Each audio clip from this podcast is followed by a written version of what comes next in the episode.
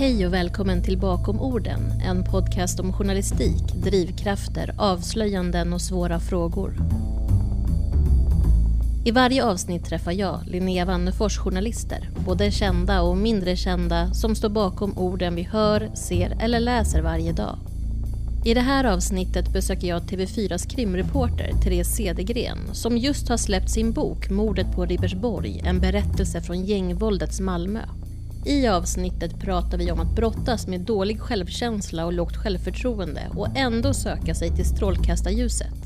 Vi tar också upp hur pressetiken sätts på prov, hur snabbgräven intagit redaktionerna och hur det katastrofala läget där många nedskärningar hotar kommer att påverka journalistiken.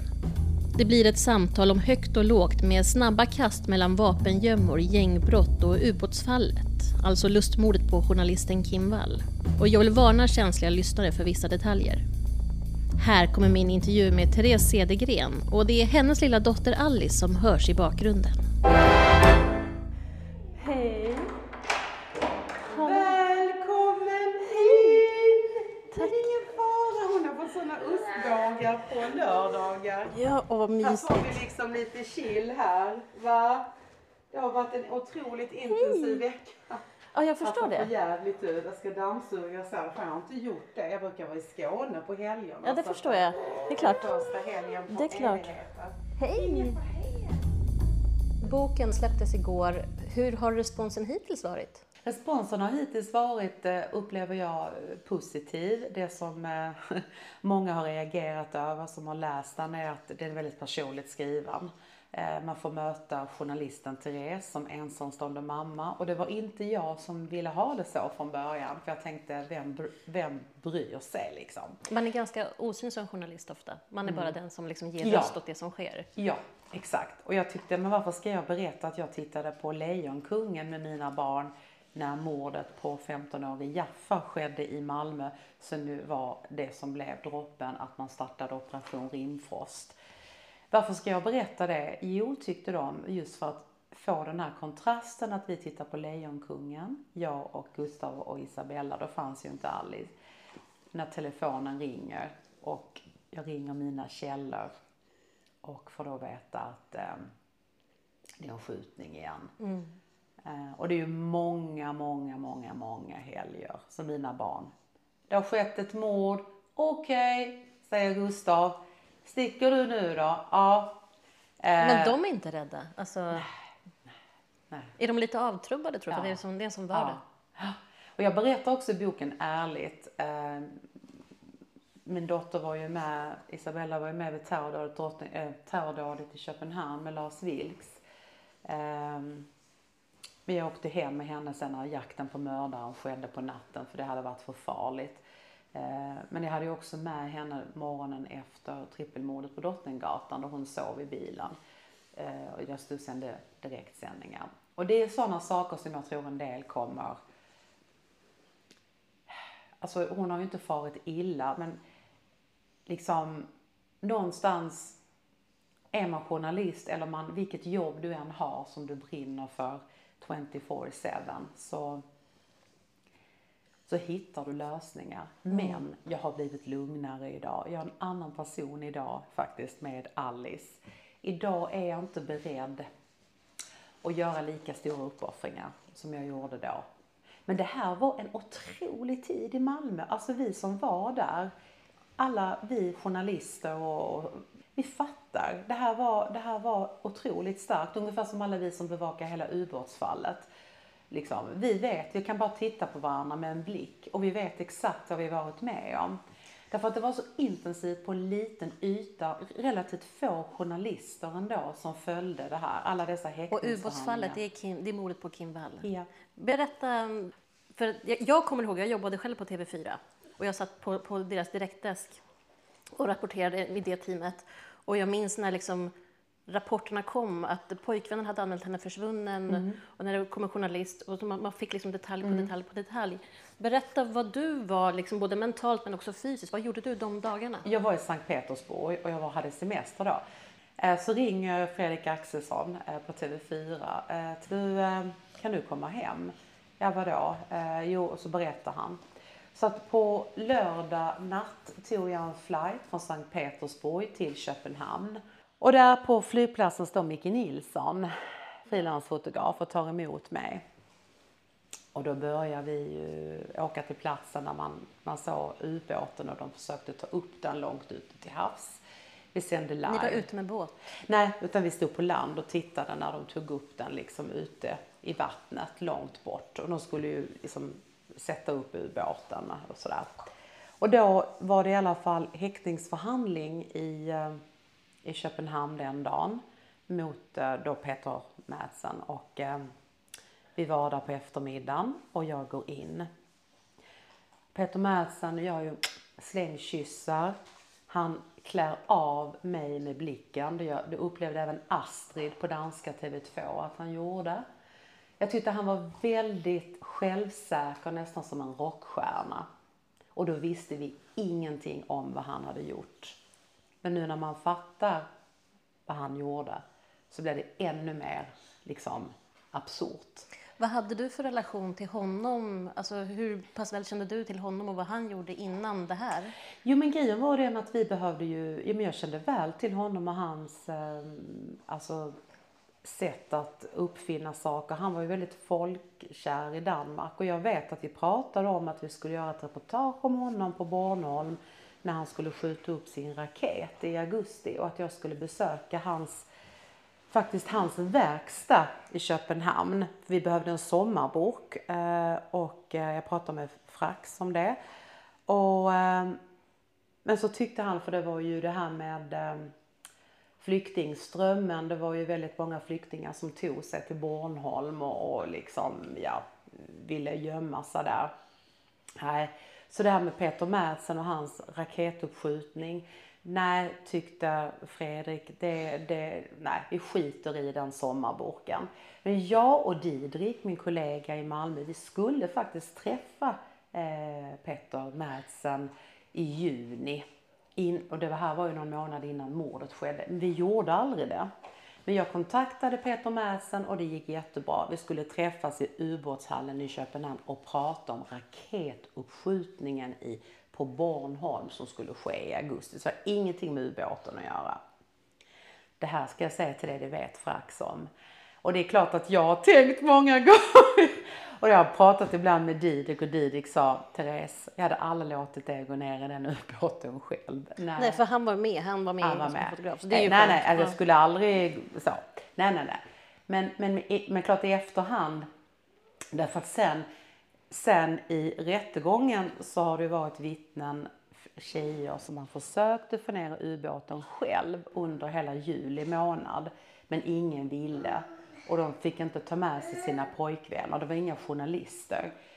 Och det är ju för att han letade efter den perfekta flickan att göra dödsporno, som han sa. Eller som då eh, enligt sms-konversation med andra då, som åklagaren la fram som bevis att han planerade en så kallad snuff movie då nere i ubåten. Eh, Vet man om han filmade det?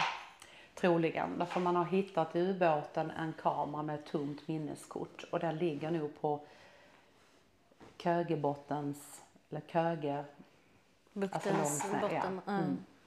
Eh, ja, han har filmat för man har sett, man, det hittar man i ubåten. En kamera, alltså filmkamera, fast inget minneskort i. Blir du tagen av att prata om det nu?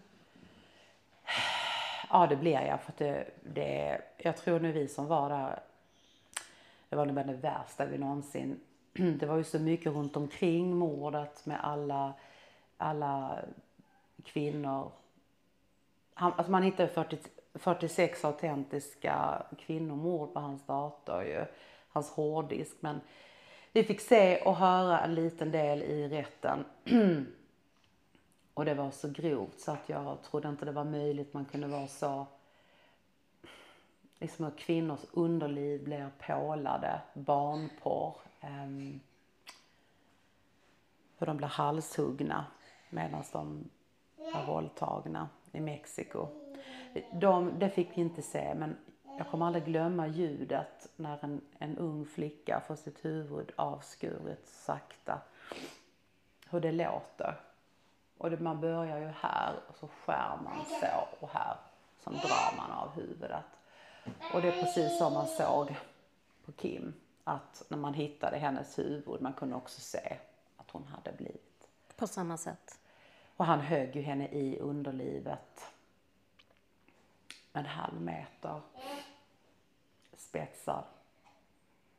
Så att hon hade ju skador i buken och eh, levde enligt, enligt rättsläkaren delvis.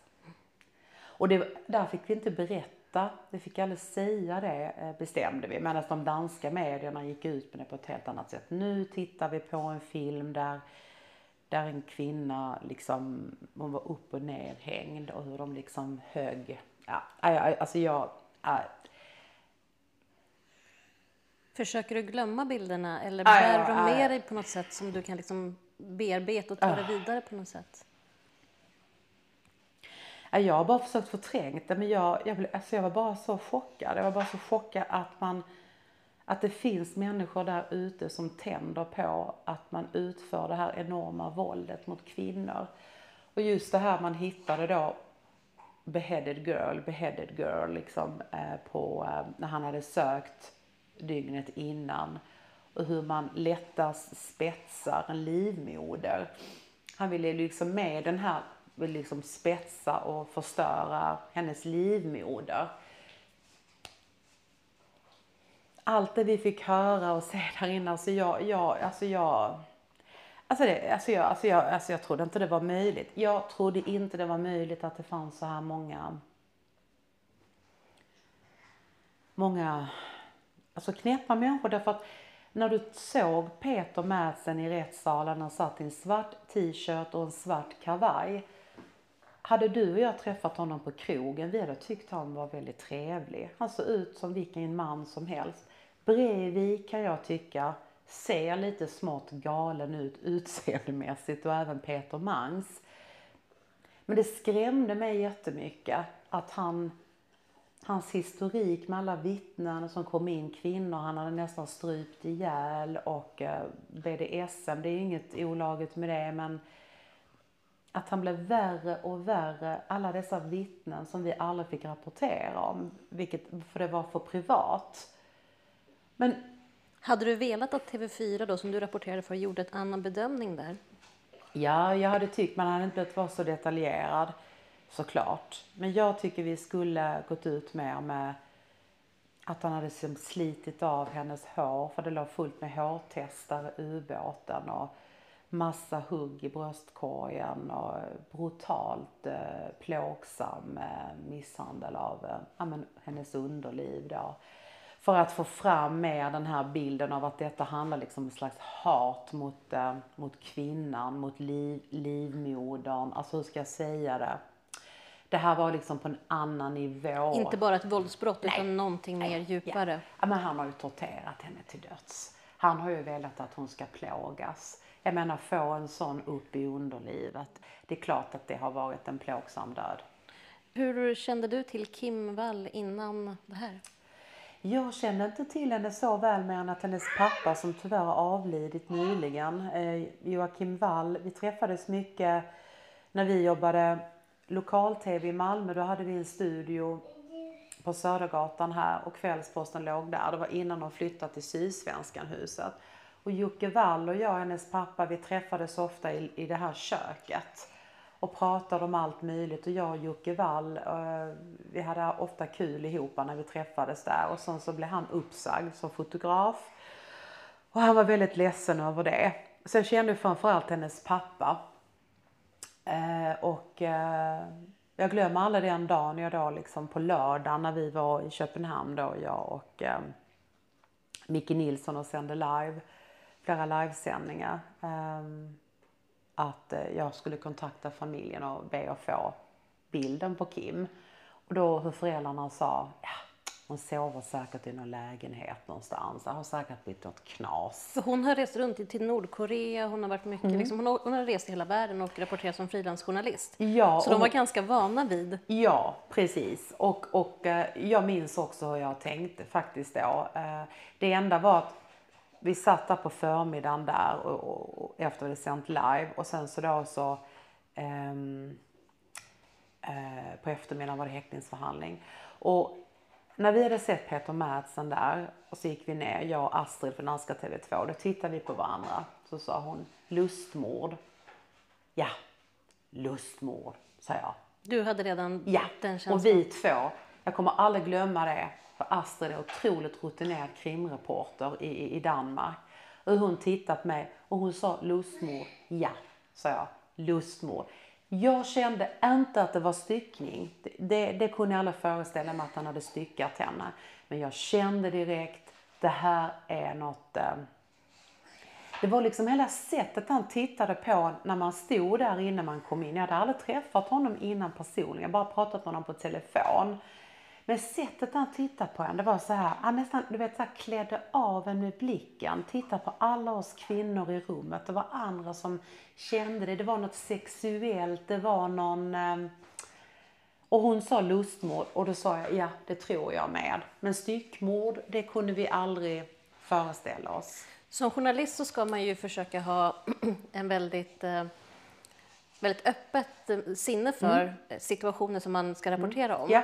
Men att hamna i den situationen där man så tydligt känner det här är det här är någonting, det här, det här, jag vet vad det är, jag känner vad det här är.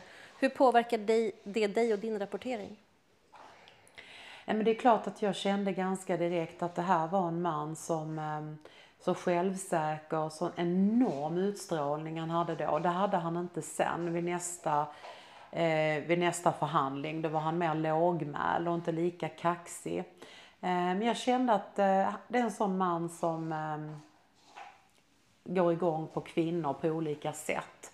Eh, det är klart att jag hade det i bakhuvudet hela tiden, men jag var ju väldigt professionell när jag så här rapporterade. Men det är klart att jag hade det hela tiden i bakhuvudet och det var så här. Men när man hittade torson kunde jag ändå inte, för man visste hundra att det var Kim, så kunde jag inte föreställa mig att det var Kims torso som flöt där. För att jag, när jag såg honom där, han såg, eh, om vi säger så här så fattar jag varför kvinnor faller för honom. För att han har en otrolig karisma, ungefär som Jack Nicholson, skådisen. Han ser inte ut som en fotomodell men han har en jäkla karisma som går rakt igenom. En riktig så här liksom Casanova typ. Och det fick jag ju höra sen. Har ju hur många kvinnor som helst, massa älskarinnor och massvis med kvinnor som ville ha sex med honom. Och det fortsätter ju nu när han är, sitter i fängelse. Ja. Och det kan jag förstå. Jag kan verkligen förstå det eh, faktiskt. Att han är den typen av man. De är ju livsfarliga de här männen liksom. Därför att de ger sken av något annat än vad de egentligen och jag kan ju säga det att som journalist som har stött på rätt många, får vi säga knäppjökar i olika sammanhang, så har jag också blivit eh, lite yrkesskadad. Man är extremt försiktig, jätteförsiktig, eh, nästan för försiktig med vilka människor du tar in i ditt liv och vem du tar hem i de farligaste, eller de lugnaste vattnen som man säger. Mm. För det här har påverkat mig. Men har du gjort liksom personresearch på mig nu innan jag kommer Nej! Jag bara, det är helt okej. Okay. Det är helt okej. Okay. Nej, nej, det är klart jag inte har. Nej, jag skulle aldrig någonsin... För jag har ju också kommit hem till någon som jag egentligen inte, alltså vi känner ju varandra på Facebook eller på mm. sociala medier. Mm. Men egentligen vem man går in till för att göra en intervju eller träffa någon, det vet man ju aldrig ofta när man är... Nej, och jag gjorde ju en enmans, förlåt att jag hoppar här, men när jag, var, när jag var lokalreporter på lokal-tv, då skulle jag intervjua en, en man och prata om prostatacancer. Han var case. Och jag kommer dit med min lilla kamera ute på en gård långt ute utanför Lund. Jag öppnar dörren, jättefin eh, sån här herrgårdsliknande och det är bara han och jag där. Och då börjar han bli närgången han tittar otroligt mycket på mina bröst. Och jag kände mig fruktansvärt illa till mots. Och detta var ju innan det här med eh, Kim Wall. Jag var ensam där. De visste inte på redaktionen exakt vilken gård jag var på. Jag hade bara sagt att jag skulle träffa ett case. Och jag tänkte, ja, han är liksom kopplad till Prostatacancerförbundet. Jag tänkte liksom, men han var väldigt närgången och till slut fick jag säga, jag måste gå härifrån nu. Och då trodde jag att han hade låst dörren, ytterdörren, och det hade han inte. Men det var oerhört olustigt. Och jag tog bilen och bara körde, för det skickades ut som enmans. Och den händelsen tyckte jag var så fruktansvärd. För jag kände att där du minst anade, han var case, han var en stor herrgård, stora rejäla mattor minns jag. Det var så här pampigt. Ja, men du vet man förväntar sig inte det. Att ett case prostatacancer, eller hur? Visst gör man inte det? Men eh, i vår bransch, och det kommer vi också komma in på lite senare, hur liksom um, förutsättningarna är för jobben, eller att för, att för att jobba, så är det ju ofta enmansteam. Det finns inga resurser, eller så är det ont om tid, man behöver fördela resurserna över ett stort område säkert man bevakar. Um, så att det är väldigt svårt att styra det där. Mm. Nu har ju du mest förstås erfarenhet från TV4, men tänker redaktionerna och redaktionsledningarna fel när man inte ser till att man har resurser så att man slipper hamna i de här situationerna ensam? Ja, jag tror det. Samtidigt så är vi väldigt duktiga på att vi ska inte vara ensamma, exempel vid mordplatser och så. Men jag tror man måste tänka till även när man åker ut på det här sättet. För att, eh, att man ska inte vara ensam någonstans. Eh, man förväntar sig inte att ett, ett, ett case, en man som har prostatacancer, ska bete sig så här. Och då efter det här pratade vi om att man måste rapportera adress lite mer noga. Och det kan jag hålla med. Man måste veta exakt var är reportern? Vad är adressen på denna gården? Men hade han velat våldta mig där, vilket jag måste vara ärlig och säga att det kunde mycket väl ha skett. Det kunde gått så långt? Ja, ja. Den här, ja eh, så känner jag att att i sådana lägen så räcker det liksom inte med bara adressen för att det här var en gård liksom eh, det var nära, vad heter det, Skrylle naturreservat här uppe mm. så var det en gård ute på åkern. Alltså hur ska jag säga det? Alltså du vet oftast är det när du minst anar det och jag förstår att redaktionen tyckte att jag skulle åka själv på det uppdraget för att herregud, vad är det värsta som kan ske? Det är ett case. Det, det liksom, de hade aldrig skickat mig I ett ens... ämne som inte är så kontroversiellt, e mer än att det är en sjukdom som drabbar ja! många.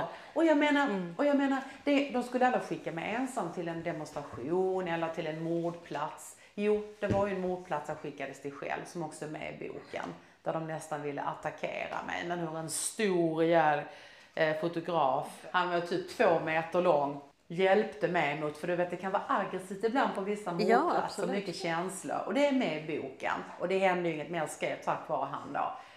Där, och det var också lokal-tv. Kanske inte så bra att man var själv där, men ibland är det resurser, det är mm. stressigt, vi har ingen annan att skicka. Men jag, min erfarenhet när jag har råkat ut för händelser som jag verkligen har gjort på olika nivåer, då har det varit när man minst anar det. Det har varit en tisdag förmiddag på Lindängen när vi hamnade mitt, det är inte med i boken, mitt i en knark och vapengömma. Eh, gömma. det var inte kul kan jag säga när vi gjorde det. Och det var en tisdag förmiddag vid klockan 11 och de kom in tungt beväpnade och vi var tvungna att typ sticka därifrån. Det hände när man minst anade. Det är svårt att skydda sig men då var vi två och jag måste säga att jag tycker alltid vi ska vara två. Vi ska aldrig vara ensamma därför att journalister, det har också blivit att en del gärna vill ge sig på journalister som en slags statement, som en slags, ja, så att jag, vi får inte vara naiva där. Sen ska man inte vara paranoid men, men jag vill aldrig mer efter den händelsen på den gården. Jag vill aldrig mer gå in själv så i hus eller liksom så jävla äckligt. Du anar inte så många äckel det finns där ute. Skitäckligt är det. Och dessa kommunalråd mm. som stirrar mm. ner. Alltså det är respektlöst de ska mm. stå och göra en intervju. Gör de så mot en manlig reporter med? Står de då så och tittar ner i hans... Eh, alltså förstår du? Ja. Det är skitäckligt Men och tror, respektlöst. Tror du att det här finns kvar eller har tiderna förändrats? Jag tror äh, många är mer... Äh, är mer försiktiga. Men jag har ju diskreta. märkt, mm. mer diskreta kan du göra det på. Det är också lite grann att få markera lite så här. Det har varit fruktansvärt tufft måste jag säga. Inte nu längre när man är äldre. Men att bli tagen på allvar, det är nog det som har gjort mig mest ledsen. Mest alltså bland, bland, bland, bland män, men också bland kvinnor. Hur man liksom försöker trycka ner och inte liksom den här branschen, och det, det, är ingen unik bransch, journalistbranschen, det finns ju andra branscher. Men det tycker jag har varit det tuffaste för att det är ett tufft jobb som det är du vill ha stöd, kärlek av dina kollegor. Du vill inte känna att det är konkurrens, att det är liksom för jag är inte sån, jag är inte intrikat, jag är väldigt manlig där i mitt sätt. Jag älskar raka puckar, man säger nej, det där var inte bra. Nej, man tittar på jobbet. Vad har den här kvinnan eller mannen gjort för jobb? För att den här branschen nu som kriminalreporter jag är, nu känner jag mig lugn för jag, de kan aldrig någonsin ta ifrån mig min erfarenhet. Vad de än gör, de kommer aldrig kunna göra, liksom lyckas med det. Men det har ju varit liksom vissa jobb prestige och det minns ju jag i min början av min journalistkarriär. Åh lilla gumman, det var ju mycket. Du kan göra det där. Liksom, och jag bara kände, fan ta de jävlarna. Jag är en actionreporter. Skicka mig för fan till en krigszon. Mm. Och då kände jag, jag är ung kvinna, jag råkar ha en kropp som då, inte nu längre, men som då var fit därför att jag kan inte hjälpa att jag såg ut så. Alltså mm. det, och jag och jag klädde mig jätteseriöst på alla sätt och vis liksom. Men det har varit nog det tuffaste tycker jag att vara, att vara kvinna i den här branschen. Liksom, att det har varit fokus på fel saker. Jag går journalisthögskolan, alltså varför ska jag säga det? Man har sett män som har mycket mindre erfarenhet än mig gå om mig för att de är killar. Och när de säger något, mm, då är det så. Och än idag är det faktiskt så. Eh, upplever jag ibland att... Jag kan verkligen relatera till det. Ja, du också. Och det gör mig så förbannad därför att vi pratar om ett land där liksom jämställt och så, men är det så jäkla jämställt? Var är du född och uppvuxen någonstans? Jag är född i Lund och sen alltså växte jag upp mina första år i Ystad innan mina föräldrar flyttade till Simrishamn på Österlen. Och hur var din uppväxt då? Ja, traumatisk. Men... Eh, Hur då? Ja, ja, ja, den var traumatisk. Ska vi stanna där? Ja, men eh, det var traumatisk kan jag säga. Hur har din mm. uppväxt och bakgrund påverkat dig eh, för att bli den du är idag? Um, den har gett mig otroligt låg självkänsla och lågt självförtroende och en kamp att bli bekräftad att jag duger och att det har varit en slags drivkraft att äh, att ja min uppväxt har på, påverkat mig otroligt mycket därför att den var fylld med väldigt, väldigt mycket på olika sätt och ähm, jag, det, det var kanske därför jag också gärna ville bli skådespelare eller musiker, artist. Jag ville liksom bli känd för att hämnas. Jag ville hämnas på väldigt många människor. Um, och det, Visa att du var någon. Ja, och det ledde ju mig ändå in på in i farliga människors miljöer. Så att um, jag hamnade i modellbranschen i tonåren och um, blev erbjuden ehm, kontrakt i USA eh, och i Paris och jag var iväg och jag skulle spela in en film i Argentina vilket ehm, stoppades, vilket jag är väldigt glad för att jag inte gjorde. Jag tror, därför känner jag igen mig idag med många kvinnor eller pojkar och flickor man säger att varför flickor blir prostituerade, hamnar i porrbranschen eller pojkar blir kriminella. Jag kan förstå det. Därför att om du inte får det stöd, kärlek och så vidare eh, som barn så söker du det någon annanstans. Och jag känner mig så väl igen i det och hur illa det kan gå. Framförallt som tjej. Att du kan bli våldtagen, du kan bli utsatt för väldigt mycket i modellbranschen, vilket jag också blev. Eh, vilket jag tycker är väldigt, väldigt jobbigt att prata om. Därför att du tar på dig själv, det var mitt fel. Nej, men hur kan det vara ditt fel att en, eh, en 50-årig gubbe gör vissa saker mot en 18-årig tjej. Det kan ju aldrig vara den 18-åriga tjejen. Det kan jag aldrig tänka mig som väljer. Det här med maktstruktur är ju väldigt, väldigt kraftfullt. Alltså jag blev utsatt väldigt mycket och det var på grund av mitt utseende. Jag hade långt blont hår, jag hade en, ehm, en, en, en kropp som gjorde att jag kunde göra reklam för underkläder och badkläder. Jag kan inte hjälpa att jag såg ut så, jag såg ut så. Eh, och eh, den uppmärksamheten jag fick gillade jag, att man uppskattade mitt utseende. Och jag gjorde mycket mm, reklam för underkläder. Och jag köper att de, de tittade med förstoringsglas eh, så här på hyn. Och jag hade fotografer som var en sån bit från mitt underliv liksom. Och mm. tog bild. Och jag är inte den enda, det är massor med kvinnor som har gått igenom detta. Ja. Men, ehm, och någonstans så sökte jag, jag ville ju bli känd liksom. Men då fattar man ju inte när man är 18-19. Jag gjorde inte det i alla fall. Jag var så naiv. Jag fattar ju inte det. Men som sa bestämde vi då att nej, nu fokuserar du på skolan. Eh, och då gjorde jag det och gick ut med högsta betyg i alla ämnen. Eh, någon... Förlåt, men vad var det som fick dig att ändå acceptera, för att jag tänker om jag söker kändisskap, eller som jag är som person, om jag söker kändisskap och jag har förutsättningarna, jag får in en fot, jag får uppdrag, jag får jobb. Vad är det ändå som i dig får dig att välja, nej men nu ska jag inte gå den här vägen som jag så gärna vill, för jag vill bli känd, utan verkligen satsa på skolan istället. Vad var det som fick dig att ta den vägen ändå? Jag tror det var... Ehm,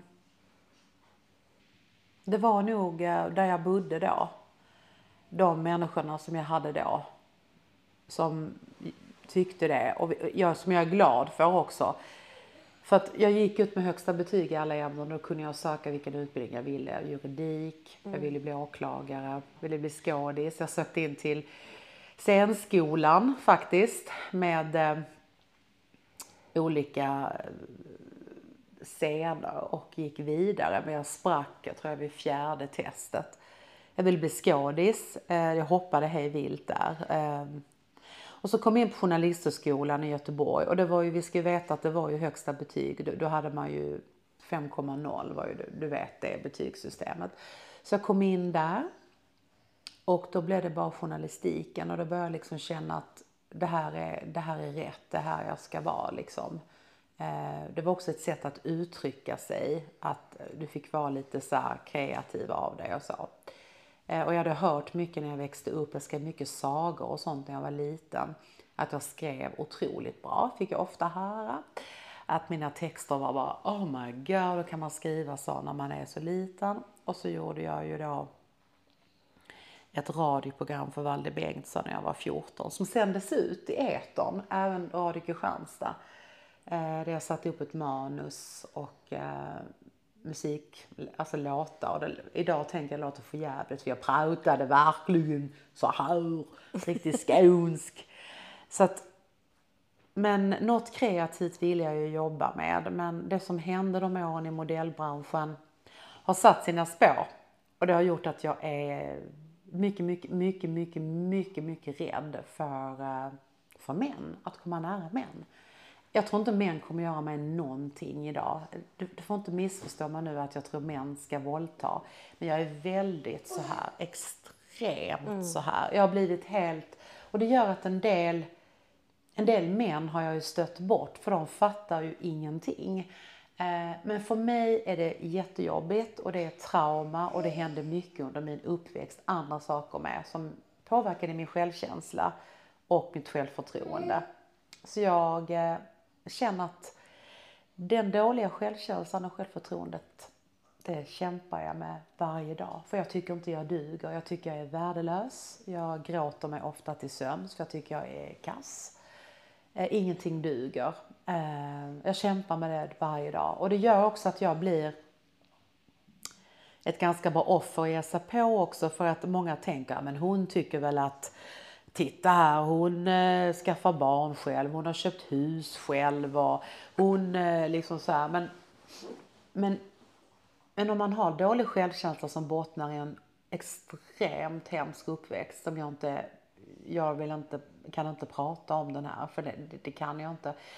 Då spelar det ingen roll och jag tror vi är många som har haft en tuff uppväxt, det är massor med människor så att det, jag försöker inte liksom att och det är inte så tycks synd om mig, men det har gjort att jag liksom jag kämpar dagligen med min dåliga självkänsla. Men jag tänker det är en sak att bli bedömd för sitt utseende och en sak att bli bedömd för sitt intellekt eller vad man ska säga. Mm. Men du sätter dig ju ändå i eh, situationer där du står live och rapporterar. Du har en kamera på dig, du går ut i liksom, någon typ av eter. Många tusen människor ser dig, du sitter i morgonsoffor, du pratar om ditt, ditt mammaskap eller ditt moderskap i tidningar.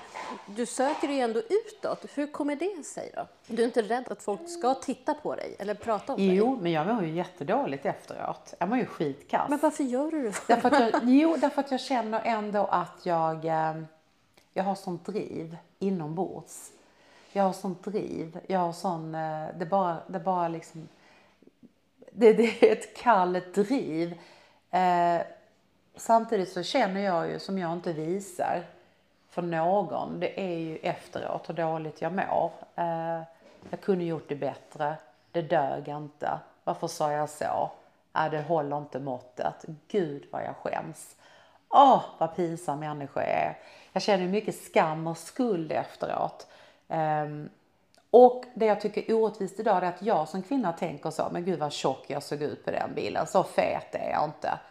Och det kommer ju också från modellåren när jag blev granskad från topp till tå varje dag. Och jag men hade... Har du en extra kritisk blick på dig själv? Ja, ja. Mm. men det gör att när andra talar om hur bra, duktig jag är, hur snygg jag är, så tror jag att de ljuger. Jag tänker, yeah right.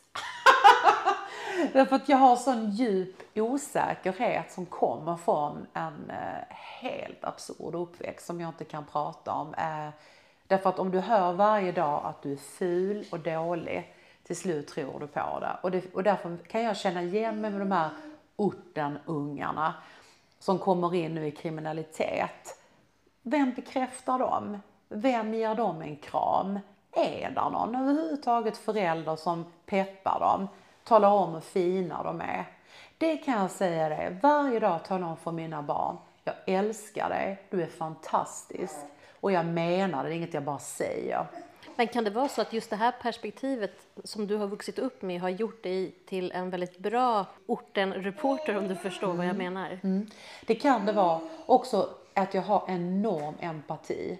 Eh, det finns vissa som jag aldrig kommer ha empati med och det är pedofiler och det är eh, våldtäktsmän. Men jag kan känna empati ändå med en kille som är tungt gängkriminell. När jag träffar honom, jag pratar med honom, det kommer fram det får inte missförstås. Det är många som har en tuff uppväxt som inte går och skjuter ihjäl någon. Det är inte det jag menar. Men jag ser helheten. Jag dömer inte. Jag dömer inte. Därför att vad vet folk egentligen om vad han har gått igenom? Vad vet de om det? Alltså, liksom, det finns en bild, det är mer komplicerat än så. Eh, och det är det, det är det jag känner att jag alltid som journalist har enormt mycket empati när jag träffar mina, mina case. Jag kan, jag kan sätta mig in i deras situation, jag har lätt för det. Jag tänker, men jag dömer inte. Um, och det är så lätt att göra det och jag kommer aldrig bli en sån journalist ever kan jag säga. Du gick eh, Journalisthögskolan um, och sen så började du jobba på TV4. Eh, nej, utan jag, eh, jag var skrivande journalist. Jag började mm. på norra Skåne eh, och sen var jag på Aftonbladet i Stockholm. Eh, det var Otto Sjöberg som anställde mig där eh, som nyhetsreporter och sen så gick jag över till att bli någon allmän reporter. Sen från Aftonbladet gick jag till Svenska Dagbladet och skrev där och sen så jag träffade min, eh, min man som jag blev uppövande kär i, en dansk. Eh, jag träffades i Köpenhamn och ehm, jag flyttade ihop med honom i Danmark, i Köpenhamn och började frilansa för Svenska Dagbladets Europabilaga och eh, för eh, tidningen I Form, för de, de fanns i Köpenhamn. Och sen fick jag jobb på lokal-tv i Malmö så jag pendlade med flygbåtarna för bron var inte klar. Och så började jag på lokal-tv som reporter, programledare, läste nyheter på morgonen. Jag gick upp så här tre på natten och ja, det var väldigt rörigt. Men att vara programledare eller nyhetsuppläsare, mm. hur, hur var det? Var, var det någonting som var så här, det här är någonting för mig? Eller nej, jag vill vara ute och träffa folk på fältet? Ja, men jag älskade att vara programledare. Jag älskade att sända live. Jag älskade att ha program. Eh, jag älskade hela det konceptet. Det passade mig ganska väl med gäster och um... Men så småningom landade du på TV4? Det gjorde jag och där jobbade jag många år. Eh, gick igenom en väldigt jobbig skilsmässa och eh, med min dans som var min stora kärlek. Eh, och sen så bestämde jag aldrig, aldrig, aldrig mer en man i mitt liv, aldrig mer en man i ett äktenskap. Jag ska satsa hårt på min karriär, jag ska skaffa barn själv. Jag hade fått ett, ett barn med den här mannen Gustav. Jag bestämde mig aldrig, aldrig mer. Bort med män, hejdå! jag bara bestämde mig eh, för det. Eh, det var så hårt, så hårt. Nu räcker det. Men det jag varit med om innan och det här, ah men nu räcker det, hej då. Men eh, vad fokuserade du på då, då? Var det så här, du hade en knivskarp riktning i karriären eller visste du bara att du ville satsa på journalistiken? Så får den journalistiken, komma precis. Mm, okay. ja. Nej, så, så jobbade jag på fyra några år tills uh, vi fick beskedet att lokal-tv skulle läggas ner. Jag kommer aldrig glömma den dagen när vi samlades på redaktionen. 2014 eller? Jag kommer mm. aldrig glömma det. Och uh, sen när de ringde då och sa att uh, vill du jobba kvar som riksreporter? Det var, vi var ju fyra som fick vara kvar utifrån mm. anställningslängd. Eh, och sen så bara bestämde jag mig för att nu ger vi järnet här. Och så, så gjorde jag det. Och det var mycket som hände i Malmö då. Det var ju flyktingströmmen, gränskontroller, otroligt många skjutningar, ubåtsfallet, Ystadbarnen, Ja, det bara var, man kände, jag sa ju till Annika Marco som levde då, ja men vad fan ska vi inte Hon var flytta? redaktör på TV4. Ja, mm. ja, vi ska fan inte flytta ner redaktionen till Skåne. Jo, sa hon, det är klart vi ska, vad fan vad det händer grejer där nere. Och det gjorde det Det var så satans mycket som hände. Och jag var ute och jobbade dygnet runt. Och min pappa då, som är min idol, han är mitt allt, min pappa. Jag är verkligen pappas flicka. Det var också han som ringde mig. Therese, ska du söka till Journalisthögskolan? Det var dagen innan sista ansökningsdagen. Mm, och det gjorde jag, så kom jag in. Och det var också min pappas förtjänst. Um, så um, han passade Isabella och Gustav väldigt mycket och han är med i boken också under de här åren. Uh, och sen uh, Sen jobbade jag och gjorde program för Kalla fakta om Ystadbanan och uh, sen så gjorde jag, pitchade in ett eget program om morden i Malmö som gick igenom, så gjorde jag det. Var du programledare för det? Eller var Nej, du reporter? reporter. Eller expertreporter? Liksom ja. Så och så ringde då av en ren slump Susanne Lindén som har varit eh, chef, nyhetschef på Expressen. Du är eh, innehållschef på alla media. Vi är lite sugna på det. Vi vill att du söker det. Så jag sökte det, gick igenom fem tester, bland annat ett IQ-test där jag vet, ha, de har ju en ja, sån rekrytering där. Jag hade åtta ja. av tio bland annat. Du är mm. smart. Nej, du är logisk, så. logisk, IQ ja, logik. Ja, precis. Mm. Och så hade jag massa andra tester, ja du vet. Och så tänkte jag, det här för jag tänkte, fan jag har aldrig varit chef så, vad fan 13 anställda. Och så sa på ett villkor, jag vill införa granskande journalistik i de här familjetidningarna för kvinnor. Vi, vi granskar kvinnosjukvården, det finns hur mycket som helst som kvinnor. Ja, sa Susanne, vi ska bli nominerade till Stora Journalistpriset. Fan vad coolt! Tänkte jag, helvetes det här är en utmaning. Så tackade jag till det jobbet, varpå då alla på TV4 här i Stockholm blev helt chockade. Men jag bestämde mig, nej jag måste säga upp mig för jag fick inte tjänstledigt. Jag sa upp mig. Jag började som innehållschef på alla media och jag glömmer det aldrig. Det var mitt i pandemin så vi jobbade hemifrån. Helt plötsligt satt jag i mitt kök i, i Skåne. Jaha, här ska jag arbetsleda 13 stycken på mitt kök. Mm. Och då började jag känna sån här panik jag är ingen chef som ska hålla på med budget, medarbetarsamtal. Schemaläggning, semesteransökningar och så vidare. Ja, allt. Mm. Och jag bara kände, Therese, det här blev fel. Vad fan ska jag göra? Jag fick panik. Vad har jag gjort? Alltså det här hade ju ingenting med alla mediefolk att göra. Utan det var mer att jag är ingen sån som ska sitta hemma och jobba. Jag är sån som ska vara ute på fältet liksom. Mm. Men, men det, är en, det är kanske en dyrköpt insikt på något sätt och ibland är ju insikter Bara för att du är journalist behöver inte det betyda att du trivs att vara chef. Definitivt Det är ju inte. det jag liksom. Det är ju tvärtom väldigt vanligt att man sätter duktiga journalister på chefsposter mm. fast de kanske varken vill eller är lämpade för det. Exakt. Och så kände du? Ja, testerna visade att jag var lämpad för det och det var jag glad för att jag fick göra så att jag inte bara fick jobbet sådär utan testerna eh, hade ju gett bra resultat att jag, kunde, att jag var en bra arbetsledare. Men jag som person saknade journalistiken alldeles för mycket. Det kliade i fingrarna. Jag vill ju själv ut och göra jobb. jag vill ju inte sitta där. Eh, så satt jag i redaktionsledningen och så jobbade jag i Palomedia och var gravid. Och det, då tänkte jag det är ett toppenjobb det här att liksom ha när man har ett litet barn. För det hade jag, hade jag aldrig klarat med nyhetsjournalistik. Det som är så kul för det är ju det, ja. Eh, och där i maj började jag höra rykten, jag var mammaledig, att man skulle börja skära ner. Jaha, tänkte jag. Jag är innehållschef. Jag kommer eh, ha massa granskande journalistiska idéer när jag kommer tillbaka.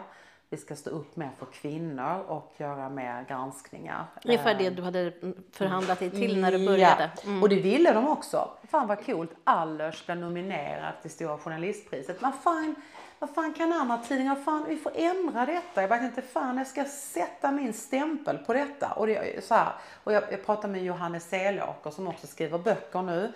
Han och jag, vi pratar mycket, eh, Therese du måste ha ett frilansstall som du får lägga ut jobb, ja, som min chef, bla bla bla, massa grejer. Mm. Så då så hör jag då av Susanne Linnén, Therese, förbered dig sista augusti på det värsta besked. Och, ja, då, du, du menar som när lokal-tv lades ner? Den ingen kunde tänka. Så då sista augusti så samlas vi då på morgonen. Allting flyttas till Stockholm. Allting läggs ner. Då var det så att hela min värld bara rasade. Jaha, tänkte jag. Men jag hade det på känn när Susanne sa några veckor innan. Det värsta du Ja. kan tänka dig. Det finns sen- inte så mycket annat. Nej. Nej. Sen fick jag då berätta det för mina anställda. Jag hade 13 anställda för jag var arbetsledare för 13 anställda plus jag skulle ändra innehållet. Jag hade, det här var en tjänst som, som heter duga i arbetsbelastning. Så i alla fall så eh, när jag går ifrån då eh, det här mötet då, så ringer Fredrik Malmberg. Oj, vilken timing. Mm. Berörs du, när man han hade sett i media, berörs Jaha. du av detta? Ja, det är klart jag gör Fredrik. Ja, jag kan inte lova dig någonting, men jag ringer om jag hittar ett jobb. Jag kan absolut, nej så det fattar jag och sådär. Så ringer han på fredag, för detta var på onsdagen, så på fredagen ringer han klockan tre på eftermiddagen. Kan du tänka dig att vara krimreporter i Stockholm? Fast anställning? Nej Fredrik, sa du i Stockholm? Ja, nej, i Malmö går inte. Där, när jag fattar, du har Micke Nilsson och alla där. Efter valet vill jag ha besked. Jag bara tänkte Therese, du är känd för att vara en galning. Och alla bara, ska Therese, ska jag nappa på detta? Men Therese, det kan du inte. Du har ju två hus i Skåne och hur fan ska det gå som nyhetsjournalist med en sån här liten? Du kommer aldrig få dagisplats i Stockholm och ingen lägenhet och, och jag bara, äh, jag tackar ja. Och alla bara, you are a fucking maniac var det många. Och det var många som sa, du är knäpp, du är på fullt allvar, du är knäpp. Samtidigt hade jag skrivit på boken redan då för Forum. Och det berättade jag för Fredrik Malmö, bara så du vet, jag har skrivit på ett bokkontrakt. Ja, ja, liksom så. Jag satt och skrev, skrev på boken och planerade detta och folk i vanlig ordning, du är, du är galen. Och då, då visade det sig att när jag var höggravid hösten innan då, 2021, 29 november, så brann ju min Skånelänga ner på Österlen. Så jag hade ju mycket med det också med bygglov och sådär. Men i alla fall så tackade jag ja till tjänsten och eh, jag stortrivs. Jag stortrivs med jobbet. Jag älskar att vara ute på fältet. Jag älskar att sitta in i studion och kommentera. För då kan man vara låtsas programledare. Ja men du vet, man Precis. sitter ju in. Så jag älskar mitt jobb nu jag stortrivs. Men jag hatar pendlingen. Blä för det, att ligga och pendla. Vi ska ta två lite kortare frågor innan vi går vidare till nästa del. Ja. Vad drivs din journalistik av? Att eh, de svaga, utsatta människorna ska komma till tals.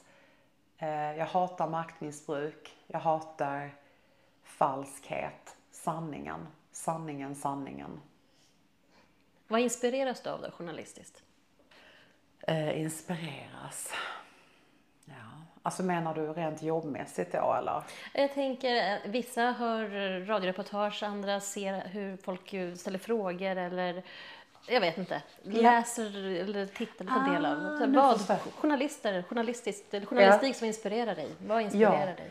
Det som inspirerar mig det är att ehm, Alltså vara ute i verkligheten och, träffa människor i alla dess former. Eh, gärna vanliga människor. Eh, ute i att, att träffa människor och höra deras berättelser som sen oftast leder till väldigt bra journalistik, avslöjanden. För de bästa avslöjandena får du ju, tyckte jag, när du var på lokal-tv och stod, på, stod vid fotbollsplanen och såg Gustav spela fotboll.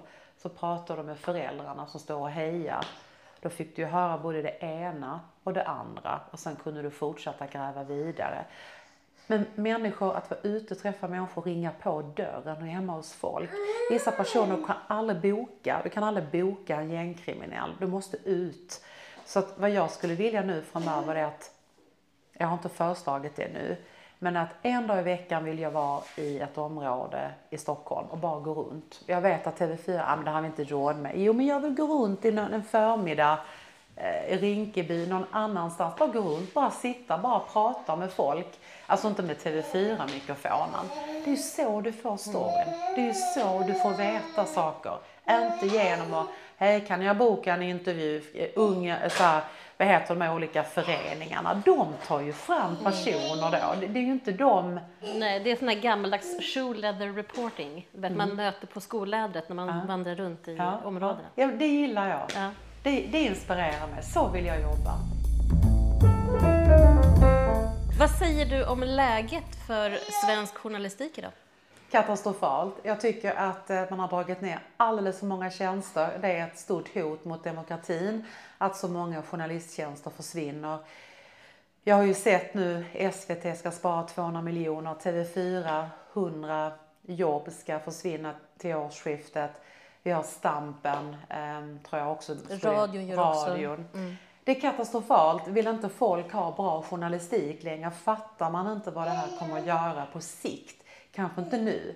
Jag är väldigt bekymrad. Det är jag faktiskt. Men även om det ligger kanske politiska beslut i grunden så eh, är det ju också så att intresset för journalistik, som du var inne på, det vacklar. Varför tror du att det är så? Jag möter ofta när jag är ute och pratar med folk, man ser man är journalist, så känner de att förtroendet för journalister inte är lika bra längre eftersom det har varit, ehm, man tycker inte att de berättar den egentliga sanningen. Eh, om hur saker och ting ligger till, att vi mörkar mycket, att vi eh, eh, är kommunister hela bunten. Alltså nu bara pratar jag hur vanliga människor pratar. Man känner att ehm, att det är ändå inte sant. Allting är vinklat, det är inte sanningen. Så man hittar alternativa, man går in på Flashback. Där får man ju veta sanningen. Sanningen, precis. Och sådana här otroligt främlingsfientliga sajter som eh, skriver minsann då att det var en invandrare och så vidare. Och det gör ju inte vi. Och jag försöker förklara för dem då om det här om pressetik. Det har inte med om du är invandrare eller inte och jag har inte alls med saken att göra. Bara ett, ett mm. exempel där. Mm. För jag pratade bara nu senaste mm. häromdagen om det här mm. när explosionen hade skett i den här eh, mannen med nazistisk bakgrund. Att de mm. gick ut med hans bakgrund men inte... Ja, jag, precis, exakt. Och jag behövde i det läget försvara journalistik som jag inte hade gjort. Eh, kan, du säger att, att, att, du vet, berätta. Där, där kan jag känna för att en media gör det, det var ju inte långt ifrån alla som gjorde det. För vi hade den diskussionen på redaktionen där vi också reagerade så. Hur kan man göra, den här killen är ung, varför går man ut med hans namn? Det kan ju påverka anhöriga till honom att de får en detonation. Eh, det det kan bli farligt för andra människor oavsett vem, vilket namn man hade gått ut med. Sådana, sådana lägen gör att många tycker att vi journalister är väldigt eh, att vi inte är objektiva. Och sen har jag märkt att många idag vill ha snabb journalistik. SVT Text till exempel gillar många. Man öppnar, eh, man ser kort, kort, kort, kort. Man orkar inte med liksom ett långt reportage någonstans ifrån. Eh, det pallar man inte, man hinner inte det. Allt ska levereras snabbt. Och man vill gärna ha lite mer ytliga nyheter, eh, liksom inte sådär djupgående. Um, uh, och det har jag märkt av på olika sätt. har jag gjort. Oj. Mm. blir det lite grann som att vi ger tittare, läsare, lyssnare eller att vi gör dem en björntjänst? För att vi har ju ändå ett uppdrag att vi ska vara liksom, inte allmänbildade men ändå ge ge dem nyhetsjournalistik medan intresset för det Alltså att det blir mer infotainment eller att det blir ja, mer... alltså det är ju det som är problemet idag. Att liksom jag tror alla andra medier, alltså SVT, alltså de har ju liksom det här, de får ju licens. Alltså, mm. Men alla vi andra medier då som, ja, men liksom, som måste för reklam och så, det, där vi hela tiden jagar tittare idag. Det, det är ju liksom att då måste vi ju slåss mot Netflix, slåss mot YouTube, slåss mot TikTok och så vidare. För att idag är vägarna till sanningen så många fler än, än TV4. Man sitter inte vid gammel-tv längre. Utan, och det är väl också den här digitala utvecklingen som också gör att journalistiken påverkas. Eh, samtidigt tycker jag det är en fara när det är så här mycket samtidigt som sker. Därför att det kommer att bli att en, alltså en del journalistik, det kommer urholkas. Det kommer bli liksom väldigt vattnig journalistik i längden. För man anser inte att man har tid längre på samma sätt. Men finns det en plats för journalistiken i framtiden? Ja. Utan tvekan? Ja. För att folk kommer inse, inte nu, men på sikt, hur oerhört viktigt det är för demokratin att, att vi har framförallt granskande journalistik. Det är det jag brinner för allra mest. men hur långt fram i tiden mm. tror du att det här blir? Tre, fyra år kanske. men ändå, men ja. ändå inte liksom 20 år? Nej. Nej. Nej. Så folk kommer förstå, det kommer bli en ja. svängning. Ja, pratar ni om, eller så här, hur pratar ni om um, utmaningarna för journalistiken på din redaktion? Vi pratar väldigt mycket om det här med eh, digitaliseringen, att folk inte längre vill ha långa reportage att vi inte hinner eh, lägga så mycket tid på gräv. Vi har snabbgräv nu. Vi hinner inte kolla saker och ting så noga som vi hade velat göra för man skär ner. Vi blir färre och färre. Men vi ska leverera till fler plattformar eh, samtidigt. Och, eh, rent digitalt, att liksom enda sättet att nå tittare är via vår sajt mer än gammel-tv. Och hur svårt det är att få folk att förstå hur viktigt det är att, att ändå ha fördjupande journalistik men att det verkar vara det som tittarna inte riktigt vill ha. Man vill ha det här snabba, hurtiga efter fem och jag gillar efter fem-stuket också. Men allting ska paketeras på ett väldigt entertainment-aktigt sätt för att de ska uppskatta det. Liksom, ja. Och just att så svårt det är att saluföra våra reportage. Ja, men exempel vår sajt, vi lägger inte ut reportagen där längre. Vi lägger bara ut små snärtiga si. Att folk hittar inte längre och att vi kommer liksom förstöra för oss själva när vi inte saluför det vi är duktiga på, nämligen TV. Jag pratade med en fotograf han sa till mig, jag har jobbat där, han är 62, var fan är bildjournalistiken någonstans? Nu åker vi bara på presskonferenser. När fan får jag göra ett riktigt bildjobb? Vara ute en hel jävla dag och göra reportage. Det hinner vi inte längre. Det ska gå snabbt, det ska vara säg, det ska vara strömmar, strömmar, strömmar. Det ska vara Alltså den här när vi liksom åkte ut och gjorde knäck och vi fick redigera en hel dag, det finns ju inte längre. Allting är bara pff, så här och privatbilder, förundersökningsbilder. Allting ska vara så snärtigt och så konkurrerar vi då med Expressen, Aftonbladet och deras sätt och allting ska vara så. Och de har ju sin form som de har jobbat fram genom massor medan ni har satsat på bild och tv-journalistik. Ja. Så ni ligger ju efter i ja. den. Liksom. och det, och det kan jag tycka att vanliga människor, det saknar jag mycket i sändningarna. För jag tycker de har blivit färre, alltså där människor får prata till punkt. Innan kunde ett jobb få vara 2.45 till, eh, eh, till 22. Det kan det väl ibland också få vara nu, men det är mycket så här, ja. Det märks att vi är färre och vi kommer bli ännu färre och det kommer påverka journalistiken. Jag är orolig för att TV är ju fantastiskt på bildjournalistik och jag tycker mer och mer vi går ifrån det som vi är starka på. Jag ställde frågan hur, ehm, vilka frågor som är viktigast när ni diskuterar det här, men vilka frågor saknas i diskussionen på redaktionen skulle du säga? Att vi vågar eh, gå vår egen väg mer, att vi vågar satsa på våra egna stories.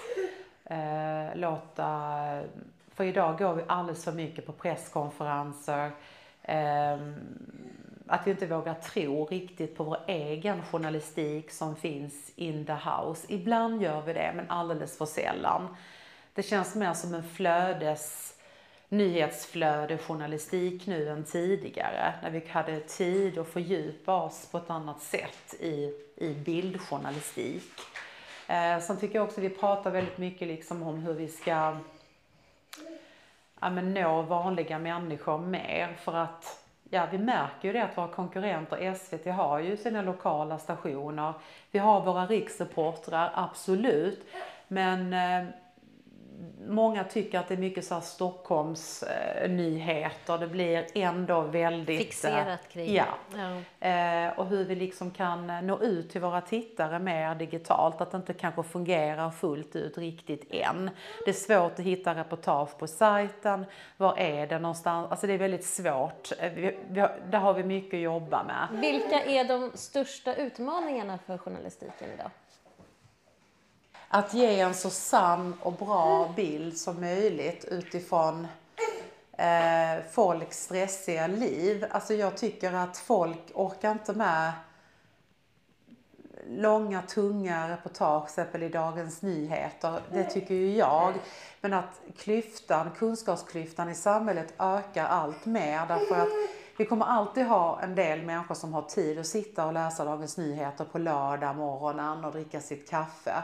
Men att nå människorna i samhället som faktiskt egentligen behöver få den här informationen utan att det blir TikTok eller paketerat i ett väldigt ytligt format. Jag skulle vilja nå ut till så många fler på ett sätt där de också fick tillgång till den här informationen på ett bra sätt utan att det är ytligt. Och jag vet att det är en utmaning, men det är en utmaning tror jag framöver. Mm. Vad borde journalister bli bättre på? Prata med människor, prata med vanliga människor. Vi sitter alldeles för mycket bakom vår dator idag på ett sätt jag inte sett tidigare på våra deskar. Vi ska ringa och boka, vi ska ringa och göra intervjuer. Du kunde också ringt mig idag. Du valde att träffa mig personligen. De personliga mötena, vi hinner inte, vi är för stressade. Och det tycker jag är sorgligt. För att vi måste ut mer för att träffa de vanliga människorna. Och det tar tid och det ska få ta tid också. Och det tycker jag vi har blivit mycket sämre på. Ja, precis, jag håller, med, jag håller helt och hållet med dig. Mm. För det handlar inte bara om att man ska ut och se hur det ser ut på nej, plats, nej, utan det handlar om att bygga förtroende. Ja. Och det handlar också om att visa att ja. vi journalister är ute. Ja. Så det blir att man representerar ju sin bransch och yrket genom att vara ute och visa att man pratar med folk och inte bara mm. läser pressmeddelanden, går på presskonferenser mm. och så vidare. Och det är ju många vi ser, som, det ser många journalister som sitter allt med vid desken och sätter ihop, man ringer och gör intervjuer, man träffas inte längre. Det går snabbt. Vi har ju Teams, vi har ju, vi gör mycket sådana här eh, intervjuer, vad heter det? Eh, är det Skype? Skype eller ja, precis. Ja. Och det kommer ju lite från pandemin. Men, men jag kan tycka att vi måste ut med verkligheten. Vi är ju nästan aldrig ute i verkligheten längre. Vi liksom sitter där och, och, och liksom syr ihop någonting och ringer polisen och den källan.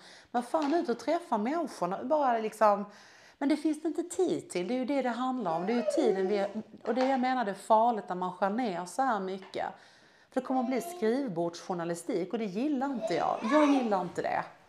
I alla fall. Precis. Vi, du, du vill ha den här shoe reporting, alltså mm, skonötar-journalistiken ja, framför skrivbordsjournalistiken. Det är där du får sanningen. Det är där du får storiesarna, de riktigt bra storiesarna. Det är min erfarenhet, det är det. Faktiskt. Sista frågan. Är det någonting du vill um, skicka med eller säga så här i slutet? Ja, men jag vill verkligen uppmana mig själv och alla journalister, ut med er.